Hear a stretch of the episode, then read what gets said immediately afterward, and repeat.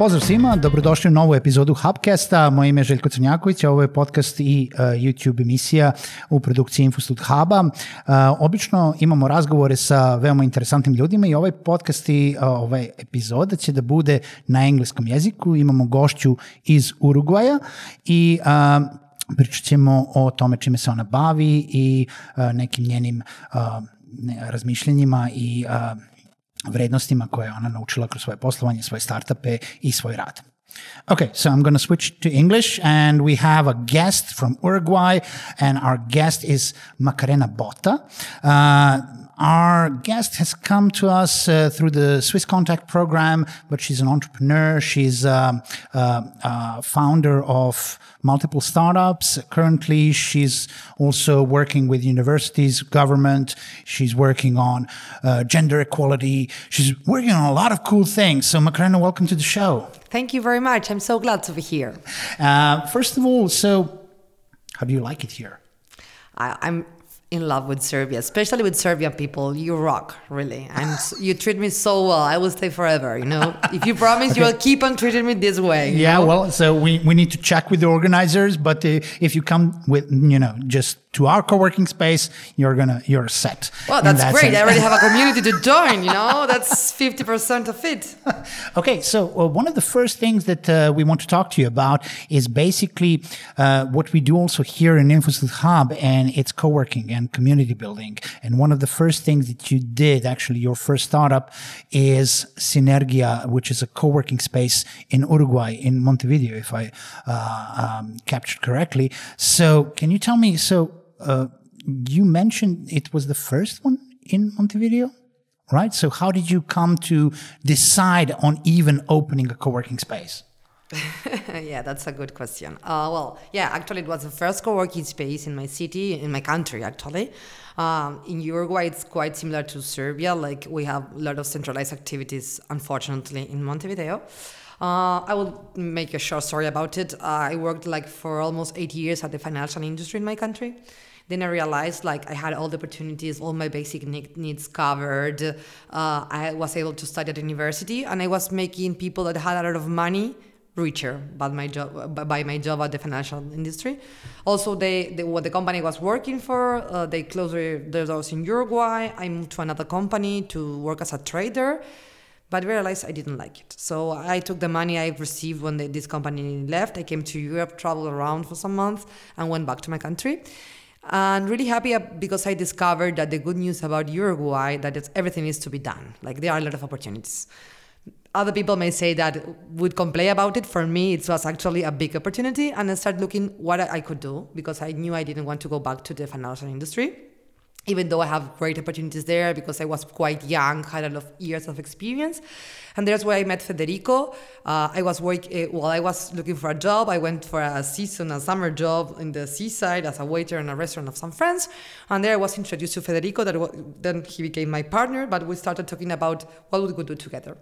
And when he mentioned co-working space, I, rem- I remember I've been in Madrid in a co-working space, and, and I already was started working with some entrepreneurs in my city, helping helping them like. Um, because while we were having coffee or whatever, really in, mm-hmm. in, in, a naive way, mm-hmm. you know. Uh, and when we started talking about what we could do together, when he mentioned co-working, I said, "Hey, wait! Like, I like what you're saying." and I started research and and I really I fall in love with entrepreneurs. That was like the first thing. Like and these butterflies in my stomach about transforming my reality, uh, do something different, but also the thing about having a place where we could all get together and learn from each other. For me was like it's always about people, you know, and I keep saying that all the time because really I think it's about that. It's people that makes governments, companies, it's people that make the difference. Mm-hmm. And usually co-working spaces are, are built in the sense that when the entrepreneur community is booming, when the tech community is booming, and this was the first co-working in Uruguay. So can you tell me how many obstacles did you have about even you know attracting people to come to, to co-working how many people have heard of co-working before you opened well, yeah, that's interesting because I think it was our main challenge. Nobody knew what co-working meant, you know, like, mm-hmm. so even in, in co-work, it's an English word. We speak in Spanish in Uruguay, so it's say like "co what?" Like what are you're talking about, you know. And even it was hard for us to explain because we really believed it was an experience we wanted to deliver. So first of all, we had a lot of trouble renovating the building, and also like as there weren't any space like that, regulations and stuff didn't exist for a place like that. So we, we need to explain the authorities that it was not a hotel, it was not a, a business center, that it was something different but mostly to the people to show them all the things that could happen there that it was really an open space where everybody was welcomed. So really for us I, I, spend or invest i would say a lot of time going to universities to companies to uh, i don't know media shows to especially because I, I, think you would understand this. It's not about only co-work, but the kind of community we want to build.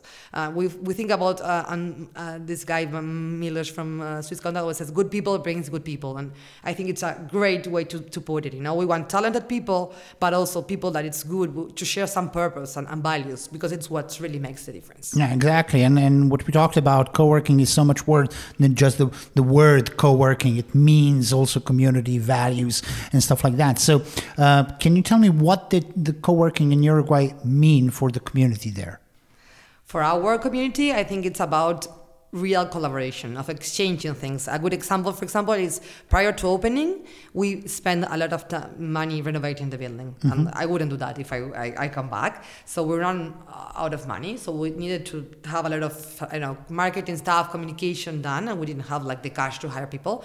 So we started offering a lot of people we know what were talented to come in with us to exchange. So you will work for me, and I will give you free space to work. Mm-hmm and we didn't even know if they will value that. For us, it was really important, but people didn't imagine what could happen there. But actually, that was great because when we opened doors, we already had a community that for two or three months had spent there working, designing, and creating what we imagine. So mm-hmm. for us, it, it, it started as a problem, but we turned it into an opportunity to build the first, the smallest, uh, like the heart of the community, and that people would bring also people in. So I think that was really interesting uh, about it. Uh, uh it's a community where you really, but you generally uh, share. It's not about a cool place, but also we had a really cool and well-designed place mm-hmm. with great internet, but that's not enough. It's not about that. It's about people. So also would like to have like interesting activities that our coworkers really need. We try to balance the type of uh, freelancers and uh, entrepreneurs we have there, and we have like three different areas we really valued. That was creative industries, social enterprises, and IT companies, mm-hmm. because we also understand that a multidisciplinary community it's what brings value to everybody. And also this scope that everybody is welcome but the only thing you need to understand is if you are part of this community you need to collaborate. So i will have an interview or me or somebody of the team because i did this with a lot of people fortunately. Mm-hmm. uh, well would tell them okay you like the place you want to stay? That's great but if you want to stay, you need to have at least five minutes when somebody needs uh, something in which you can help us, mm-hmm. like as an attitude, uh, yeah, and, To, and to build that culture. Because it's not that you because you are paying, you're here, and you, do your stuff, and you go home. We don't want that kind of people. Mm-hmm. And um, what we saw here in Serbia, a lot of communities, a lot of co-working spaces were actually hubs, and uh, beside the the members of the co-working space, uh, the hubs themselves uh, turn to the local communities. Uh, they're producing educational programs, entrepreneur programs. maybe in, in the end goal to create the target audience for the co-working, uh, but mainly to help the local community and to kind of just uh, boost even the interaction between the co-workers and the local community and entrepreneurs itself. So was that actually also what you did or was the focus only on the members of the co-working community? No, no, absolutely. And I think it's very important what you're mentioning. We don't have hubs and we didn't have prior our co-working space. Mm-hmm. And we also, I didn't mention it, but uh, we have a, an incub- a business incubator that, that we partner with the National Agency of Innovation there, a business incubator for early stage startups.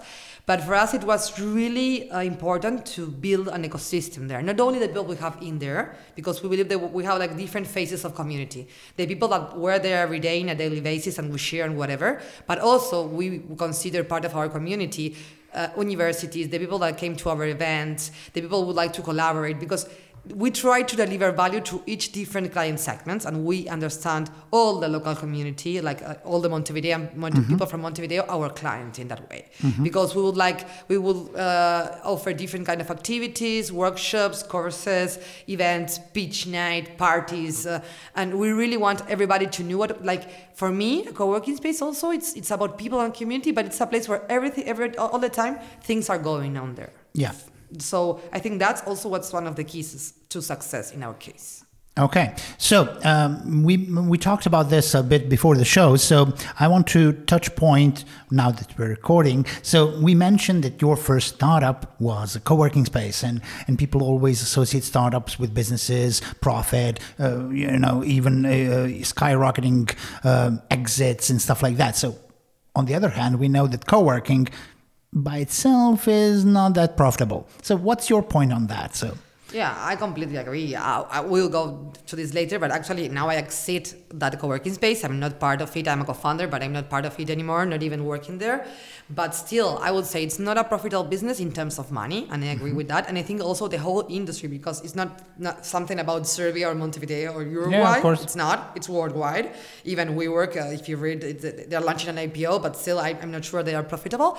Uh, so in terms of money, it's not, and I think it uh, it's too dynamic, and the industry is still learning where they can make their main income because there are two main things. It's a real estate business, but also it's about people and community. So I think uh, things will turn on to one way or the other. Now we have like this co-living trend, and I'm also questioning myself if what's going to happen because I think it's a different business. But for me, the me, the most like important, I wouldn't say income, but the value that added, at least for me, it's like bringing the people together, generating new opportunities, not only for entrepreneurs, but for investors, for academia, for corporations, for local communities. Because also I, I feel that local development is really important. We tried, at least in our places, to give back to our community in any way we could. So at least personally for me, and I will talk about me only now right now, I exit like almost three years ago. I'm still working with, I'm building teams with most of the people I met there. I learned what I would never have learned it at university or any place in my life. I had the biggest challenge of my life. I dreamt uh, of a place or a community and we make it happen.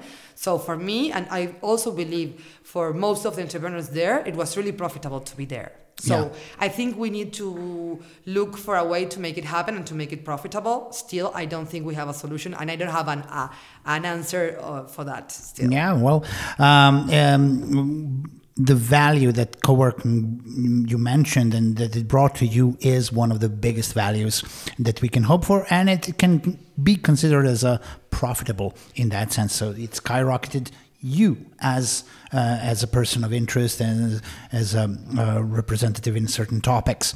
So, uh, what is the co-working uh, scene in Uruguay now? So, did your co-working space kind of was the first of many? So, um, you know, Yes, well, uh, my co-working space they grow, they grew a lot. They also went like to niche. They tried to open like a design co-working that didn't work, it failed. Now it's like a food hub. They have a technology one, business like a more corporate one. They even have a co-living now and a gym, and I think the gym is the most profitable business of all of them. Uh, they grow a lot, but still, uh, and I think this will keep on going on. They're opening co-working spaces all over Montevideo, and it's funny because I've been called like e- e- any person that has a building or something will come, hey Maca, why don't we open a co-working space? Hey, I need an office. Why don't we build a co-working space? You know, as it was that easy as having a cool place with good internet. Uh, so that keeps going on. Uh, still, the trend uh, globally keeps on growing. I, I have a vision on that. I think there are two clear trends for co-working. One is corporate co-working, that it's not that about community, but about solving the big corporations, how to handle culture and their people. And I wouldn't, if I had my own company in that way, I would never give, uh, I would never outsource culture and community to other but still also my co-working space is doing that now they have some big towers of offices and they're renting them to big companies and I think the other trend that I really am more more keen on, and I think it's interesting, it's about circular economy, using existing places and turn them into places where you can work, and really working on building a strong community, made mostly digital, I think, with great events and insights to gather around together, uh, but still not the thing we did that I wouldn't do again of investing a lot of money to renovate a building because you would never get that money back. yeah. So, and also I think it's about people, and the thing is using places that already exist, and it's really interesting. Uh, I don't know what's going to happen with Montevideo scene. I be, I know that there are a lot of places opening, and I, I would be sure to say that none of them is making money. Yeah, well, uh, the, that's the faith of too many co-working spaces, but uh, that's not the reason why they exist, as we Absolutely. mentioned. So, um, uh, okay, so once you finished with the co-working uh, startup, um, you moved on to many different interesting topics. Uh, one is the current startup that you're still involved in, uh, which is Doctori Latam. Uh, it's uh, an app to uh, kind of uh, join doctors and patients, stuff like that. I, I think we, we need something like that in Serbia. And there are a lot of there are a lot of bad experiences. There are a lot of also kind of attempts in that matter, but I think that one of the biggest problems in that is to have first kind of a very sorted and ordered system in the medical sphere environment in order to be able to produce an app for that. So, was there a, an ordered system in? I, I, love I love your question. You know, I will tell you when when I quit when I exit Synergia, unfortunately, a lot of opportunities appeared, and I joined this one because first of all, it was the opportunity to work with a group of really talented people in my in my city, really talented doctors, journalists, engineers, whatever. So for me, it was the opportunity to learn, and actually, what happened is I did learn a lot. Uh, regarding the telemedicine app, yeah, it's an app to have like virtual online uh, appointments with a doctor. Uh, I think the idea is interesting. Still, we are still pivoting to find the correct thing because, as you said, it's really related to local culture and your um, healthcare system, your local healthcare system. And still, we started when we designed it initially. We think about uh, individuals hiring the, the, the disappointments online. But still, then we learned by, with experience and by testing and failing and whatever that it's not enough to have good doctors on board to solve this because people would try uh, trust their medical institution you know? Uh, so now we are changing it in a way to work with healthcare institutions directly but it's something other business because that will be kind of a software developing business. So i would say it's, it's really an interesting uh, sector. I think it hasn't exploded as much as, it, we expected to it because it's slower because of this that it's really uh, local it's really related to the local culture and, and health system so mm-hmm is not something that you can scale really easily. For example, we are having conversations in Argentina, Honduras, Panama, still. And what is the problem with the system, or with the adoption of of the or the culture of going to the doctor? I would say both. Okay. First of all, we assume a lot of things. Like uh, I, I would say that we fall in love with our solution and not with the problem, because we assume, for example, that doctors really are well good with technology and, and, and things and at least in Uruguay, that's not that way. Like they, they have the challenges logging to their email accounts, having their users. So that is a really big challenge. That, but we learn it, you know. That's why I love startups because I learned a lot, uh, and I would have learned things if not. Uh, on the other side, individuals won't hire you just because you are. Uh, uh, an application. They, they, because we are really conservative in the, that way and they will go to their medical institutions. Mm-hmm. so that's what we mainly learn, learn. Now we are like trial pivoting but still like we are not a software company. And in order to reach these medical institutions we need to adapt to their own IT systems. And that's a lot of money for us because we don't have a really big uh, developing team. So, mm-hmm. really, we are trying to find an exit there and, and, and really thinking about uh, which kind of value we can deliver. Uh, but still, I would say I learned a lot because I really think it was going to be much easier, that it was going to a really exponential growth in this industry, but it didn't happen, any of mm-hmm. that. So, but it's still trying. Well, of so. course, we are still trying. Uh, I, in that way, we are a lot of co-founders and different ages, different points of view. And in my case, uh, I am like more a millennial. I will like I don't know if I will keep on trying for that much of time. Still, we are we have some people interested on it and, and to and to purchase our service, whatever. That's why we keep on trying. Mm-hmm. Uh, I hope we find it. If not, we have learned a lot anyway. So mm-hmm. for me, it's a lot. Okay, so one of the other things that you're doing is working with universities and government and about gender equality and teaching design thinking, innovation, uh, entrepreneurial development, which are kind of very, very different things. Or do they have a connection? Yeah, I think that I, I think they're all connected. Uh, you know what I love, um, and sometimes I think, oh, hey, I need to focus and to pick up one or two things to focus. First of all, I'm learning. That's why, mm-hmm. like this year and last year, I decided to start like trying this stuff. And also, it's like to try to think where you can create value. What I think it's uh, my corporate experience at the I worked eight years at a financial institution prior to this co-working uh, funding. Okay, well, from the I started at 18th working at a at a bank. Okay. Listen, everybody in tech at one point worked in a bank. I worked really? in a bank. I know a couple of, I, I, think, 10 people that worked in a bank and then moved to tech. So I haven't been told that, but well, it, it's interesting. Uh, still, so uh, I think I had like some experience like on the both sides of the bar. You know, like I am, I've been, I'm an entrepreneur. I consider myself an entrepreneur. I know what I need, my challenge, my fears. I failed, I succeed. Uh, and on the other side, this academic, I'm, econo- I'm an economist. I work at corporations, so uh, I started to say, hey, I can deliver value to entrepreneurs. So I started working with the government in some specific programs on how to help entrepreneurs grow in my country.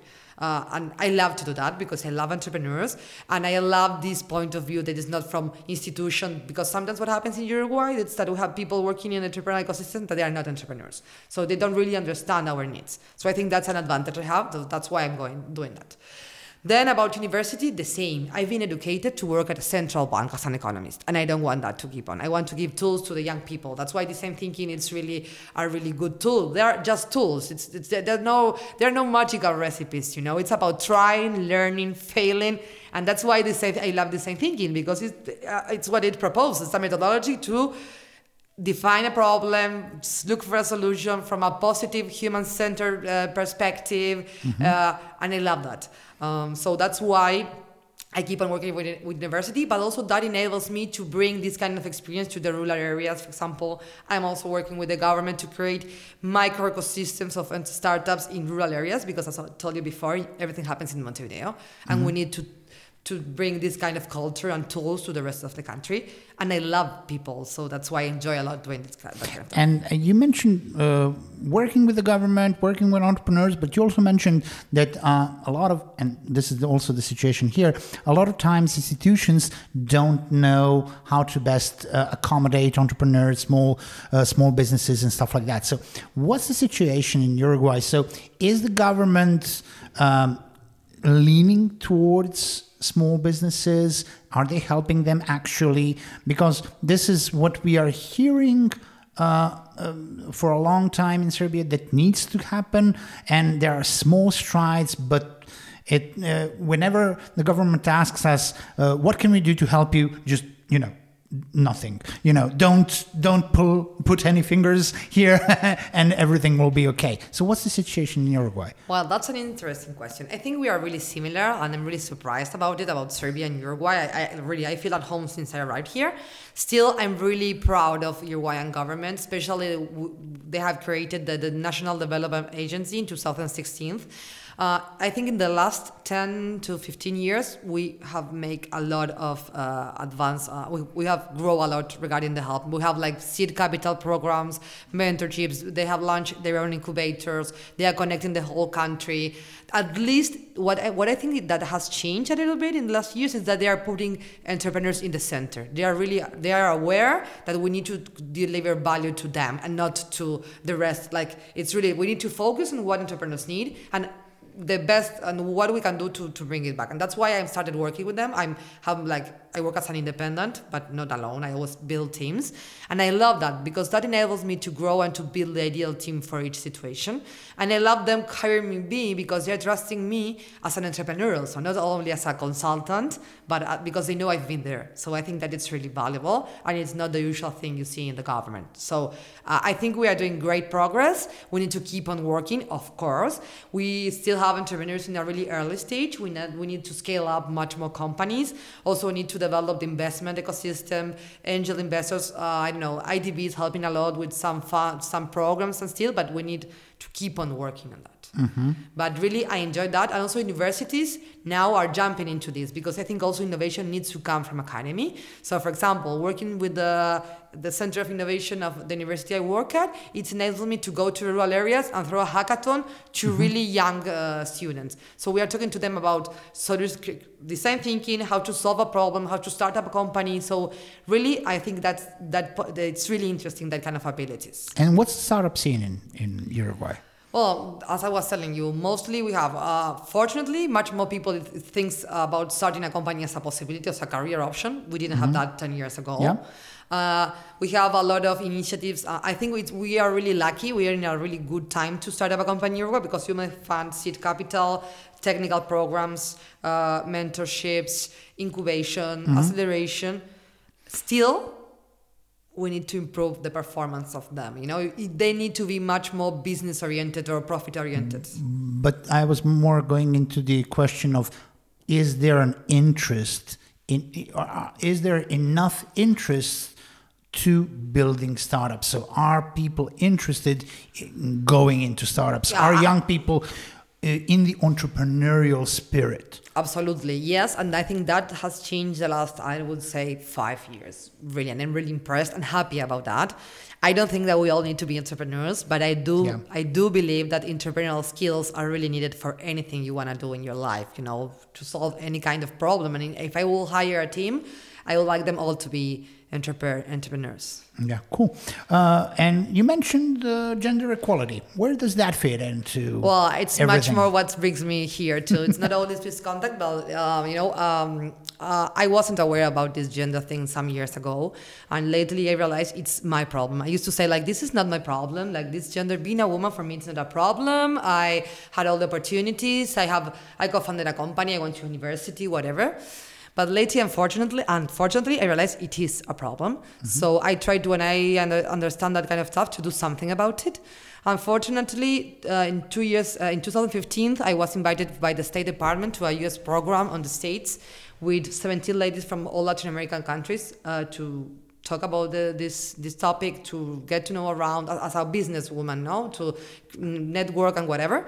And last year they select 41 women from all the globe from 38 different countries to do like a recognition of economic women economic multipliers in their countries or their regions. Mm-hmm. And I was again selected, and I was so happy. And that's where I met Zoya cooking. Yeah.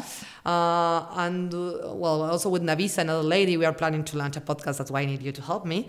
But we started talking about our challenge, our fears, and really it, it started as a conversation between ourselves. And I realized that not only for me being a woman, it's a problem with negotiating my money. When uh, I don't know, for example, I had in the co-working space, uh, also in Doctari, not I'm not the only one, but mostly are men. But at the co-working, I will be in charge of coffee, logistics, taking the notes at each meeting, and I even wasn't aware. I was doing that without even questioning myself. You know, uh, the same when I want to, I send a budget proposal. Like uh, it's harder for me to negotiate. It. I like in a way, it's, I, I I ask myself why not. And in my country, for example, 70% of the people that studies an MBA are women. Mm-hmm. Only 2% of CEOs in my country are women. 70 to 2%. Yeah. You know? So that started uh, driving my attention. So we started this conversation with these ladies about what were our local situations to each other. One is from South Africa, Serbia, and Uruguay. Three different ladies, three different continents, and still same problems, same fears, same challenges. So we say, hey, let's have to do something about it. Why don't we start building something about this? And we start. We've been talking. That also was a reason I was interested coming to Serbia and to get to know about this reality, because I, I feel we are similar, but we are different. So what I would do, we are planning to launch this podcast, but we're gonna build a community where all like truly global community about real women, not the women that are showcased that are really perfect and superheroes. No, perfectly imperfect woman. I think it's a great definition. And locally, it's a great name for a podcast. uh, well, and uh, on, the other, on the other hand, locally, I'm working with a UN woman in my country, and I'm doing some research about tools for women to start up a company. And with another multidisciplinary team, we are dictating workshops for leaders and multipliers in the most biggest companies in Uruguay because we want to put the, this topic uh, on the table and to start talking about it, about like creating awareness about it. Because I think the, the thing is we don't see the problem and mm-hmm. we are all part of the solution. You know, like I wasn't aware of it and I'm a woman. So that's for me what's, uh, it's really about how I feel with myself and how I recognize this and realize about this not i'm 34 years old so yeah. it, I, this happened to me now two or three years ago. So i need to i want to do something to change this reality and to keep on helping women to feel comfortable with themselves and, and, and to and they want we can be where we want to be if we trust ourselves you know? And do you think it's only about uh, uh, making people aware of the topic or is there the next step after that no, of course, it's not only about that, but I, I, I believe at least we need to start the conversation because mm-hmm. uh, I, it happens to me also with other women. Like I've been there, like that they, they will say what I used to say, like this is not a problem, Maca. Come on, really? Are you working on this topic? like, come on. And they say, hey, don't worry, I, have been there. Like, but you will you will make it here. You will understand. So I think that is really important. Like to state that this is a problem of everybody, not only of women but also and i don't want and i don't really like all these only I, I, like things to be done whatever things there are but still like this view of women empowerment only because you're a woman. No it's not because of that because it's about a good business for everybody. If, if we include women we we are all better you know mm-hmm. in all the ways. So i think it's a win-win situation for all of us. So that's the first thing i would like to help people to understand.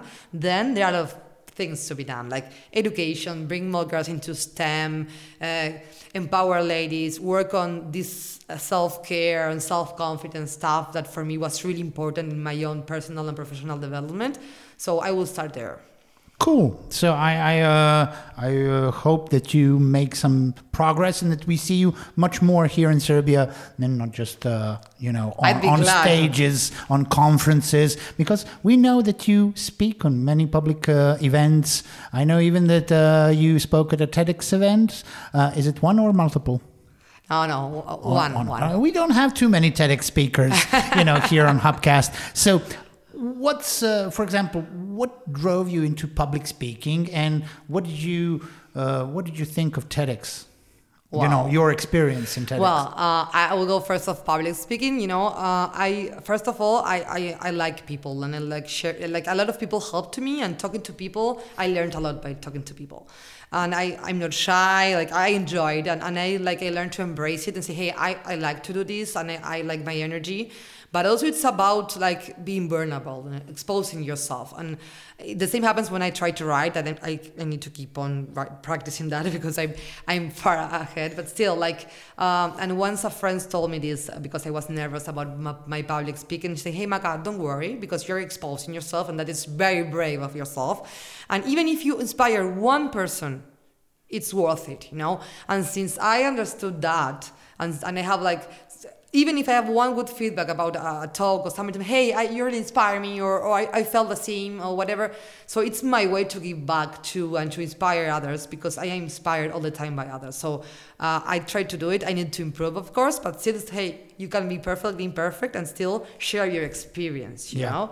And regarding TEDx, in my case, I this was one of the first editions of TEDx Women in my country, so I was really flattered to be invited, especially because I shared the stage with successful and great women I admire a lot, and that's what's really great. And I will say that, and they do it with a lot of effort, and it wasn't a really. Uh, it's in Durazno, not in the capital city. That's why I also liked it because it's interesting when these kind of events are not only held in Montevideo. Regarding TEDx itself, I would say that it will be interesting to start thinking about uh, redesigning a little bit the format because I think nowadays we are we have a lot of information. We have a, a computer in our pockets with our smartphones, so we are all the time receiving information and listening to interesting stuff and well, virtual reality, a lot of stuff. So I think also it's that challenging to these kind of events uh, and that they have a lot of years going on and they have built great communities and really respectful. Like I think the brand it's really valuable and you will trust a speaker at TEDx and it's really really interesting. But still, I think it's really time to start redesigning that kind of experiences to deliver more value to people because mm-hmm. it's really difficult to rock it on only a speak on stage with people, you know. Yeah. Um, well, cool. So, and um, the last thing I want to ask you is through all the topics that we mentioned, one kind of uh, baseline appears to me, and that is giving back to the community, giving back to the just giving back. Um, I met a lot of people. We do a lot of uh, work also on giving back. I call it a goodwill deposit because you you deposit something and you don't expect anything in return, and somehow the universe gives you something in return at the end of the road. So, why do you think that giving back is important, and where is the border between giving back versus okay, I'm going to do this as a job? Nice question, and it's something I, I struggle with because I try to work for free between the 35 and 40 percent of my time, especially with entrepreneurs because I know they cannot pay my rate. I give back because a lot of people help me. Like, mm-hmm. You know, all the things I achieved, I, I don't do anything alone, but also I've been helped. A lot of people collaborate with me, mentors. I know people at the co-working space. All my my whole life, even my family, everybody helped me a lot. I'm so grateful for that, and I can do it and between this the job or, or the or the or the giving back it depends who needs it like and what you're going to do with, with, with the help i'm giving you you know? And, and also there are different stages. Uh, one thing i am learning is how to say no. I'm really bad at it actually. Yeah, yeah, so the, the, your question really it's about that like like uh, uh, drawing the border between where I can help you and I'd be glad to do it and where I'm putting like it's about putting yourself first. And I'm also learning to do that because I think that's we need to learn to put ourselves first. It's not just about saying no. It's about, you know, this uh, part is giving back and it's free. And at one point, I, I still need to earn money for, you know, just living. No, we don't need to be greedy or profitable, but we, everybody works for something. Absolutely. And, and stuff like that. So where is the border between that, you know? So you mentioned 35 to 40% giving back. That's a, that's a cool definition. Is there, yeah, I did that in order to organize my time because if not, I will work a lot. Uh, like this, this your uh, your your question, you know, like where is that border? Well, I try to do it that way. Okay, yeah. Uh, and if you want, you wanna have um, coffee with me, I'd love to.